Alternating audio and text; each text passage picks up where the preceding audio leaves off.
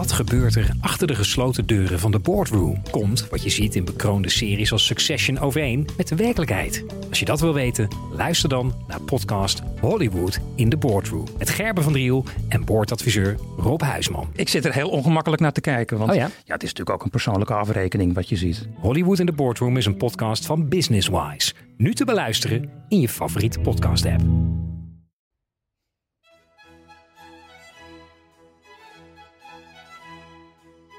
Het jaar 2020 was ontegenzeggelijk het jaar van de coronacrisis. Het leed dat deze pandemie wereldwijd veroorzaakte is nog altijd niet te overzien en dat zal nog wel even zo blijven. Wat in Nederland wel heel tastbaar werd, was de schrijnende situatie in de verpleeghuizen. Van mensen van de een op de andere dag werden afgesloten van hun geliefde, terwijl binnen de muren het virus om zich heen sloeg. Verslaggever Rianne Oosterom tekende in vier delen het verhaal op van de 83-jarige Charles de Koning, die weigerde zich neer te leggen bij de gedwongen scheiding van zijn vrouw Adriana. U luistert naar het vierde en laatste deel van het verhaal van meneer de Koning. Nu er corona is vastgesteld in verpleeghuis de Blijenborg, houdt Charles de Koning de zorg voor zijn vrouw Adriana daar niet meer vol. Hij is naar huis gegaan, doodmoe.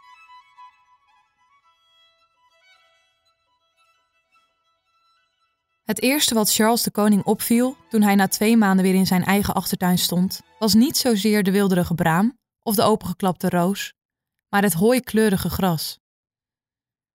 Ik ben in al die weken ook een beetje verdord, zegt de 83-jarige oud-huisarts uit Hendrik Ido Ambacht. Zijn stem klinkt iets wat onvast. Het was begin vorige week dat hij trouw een enigszins wanhopig bericht schreef vanuit het verpleeghuis de Blije Borg, waar hij al die tijd vrijwillig zat opgesloten met zijn demente vrouw Adriana, met wie hij 48 jaar getrouwd is. Aan het begin van de lockdown mocht hij het verpleeghuis niet in, vanwege het bezoekverbod. Dus keek hij elke dag naar Adriana door zijn verrekijker, vanaf de slootkant. Omdat hij Adrie daarvoor dag in dag uit verzorgde, kreeg hij van het verpleeghuis permissie om tijdelijk bij haar in te wonen. Twee maanden lang wekte, waste en voedde hij haar. Er was weinig interactie mogelijk, vertelt hij, behalve op de momenten dat ik haar te eten gaf. En vroeg: Adrie, Vind jij het lekker? Dan opende ze haar mond opnieuw. Op dinsdag 26 mei, om één minuut voor half elf 's avonds, was het ineens genoeg. Ik trek het niet meer, schreef de koning. Het is een enorme belasting. Ik val af en erger me daarbij ook nog. Ik ga weg met Pinksteren, met een bloedend hart. Ik heb het idee dat ik Adrie in de steek laat. Die middag had hij vervelend nieuws gekregen. Er was corona geconstateerd in het verpleeghuis. Al die tijd was het virus buiten de deur gebleven. En nu was het toch binnen. Gelukkig niet op de vierde etage, vertelt Charles. Er werd corona aangetroffen bij een bewoner van een zelfstandig huurappartement op dezelfde locatie en bij een drietal personeelsleden die bij dezelfde organisatie werken, al dus het verpleeghuis. Dat het virus binnen kon komen frustreert de oud-huisarts, kien als hij is op hygiëne als geen ander. Al sinds het begin vindt hij, ook al is dat niet landelijk verplicht, dat het verzorgend personeel in de verpleeghuizen eigenlijk mondkapjes en ander beschermend materiaal moet dragen. Juist omdat ze als enige het gebouw in en uit mogen. Met de komst van corona zag hij die dinsdagavond de kans op meer vrijheden voor hemzelf en Adriana in rook opgaan. Hij voelde zich steeds meer opgesloten en wilde weer even naar huis kunnen, of verder wandelen dan de verpleeghuistuin zonder verzorgende erbij. Maar dat mocht nu helemaal niet meer. Op een gegeven moment dacht ik: ik ga met het servies om aandacht te vragen. Een krappe week later stond hij met zijn koffers op de begane grond van de Blije Borg. Het was zijn eigen besluit om te gaan, want zo ging het niet meer. Zo goed en kwaad als het kon, omhelste hij Adriana in haar rolstoel. En dicht gingen de liftdeuren. Hij stapte in zijn auto, de vuile was op de achterbank. Eenmaal thuis realiseerde ik mij pas hoe leeg het hier is zonder Adrie, zegt hij.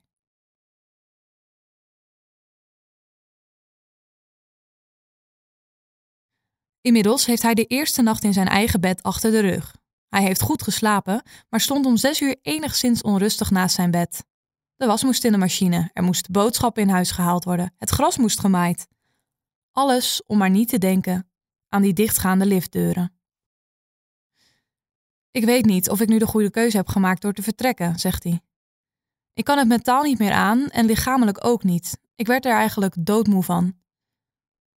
Hij is ook de jongste niet meer, zegt hij. En de zorg was fysiek zwaar, gepaard met de onzekerheid van hoe het allemaal verder zou gaan.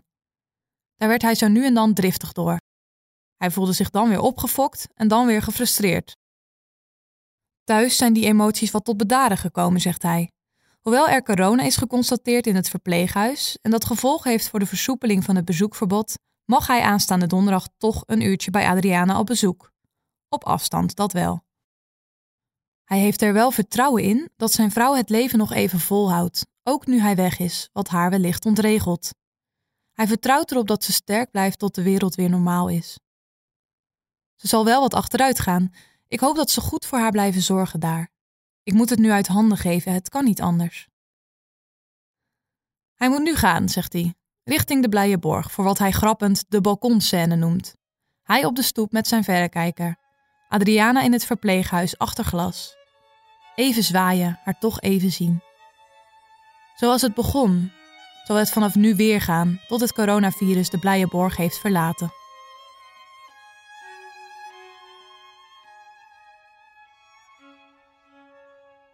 Dit was het vierde deel van het verhaal van Charles de Koning. De eerdere delen kunt u terugluisteren via deze playlist. Wilt u meer ingesproken verhalen of podcasts luisteren van Trouw? Ga dan naar trouw.nl/slash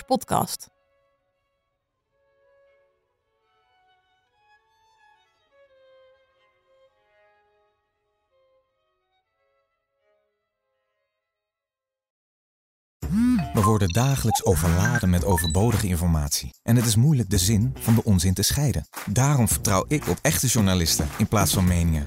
Een krantenmens heeft het gemakkelijk. Word ook een krantenmens en lees je favoriete krant nu tot wel zes weken gratis. Ga snel naar krant.nl. Bezorging stopt automatisch en op deze actie zijn actievoorwaarden van toepassing.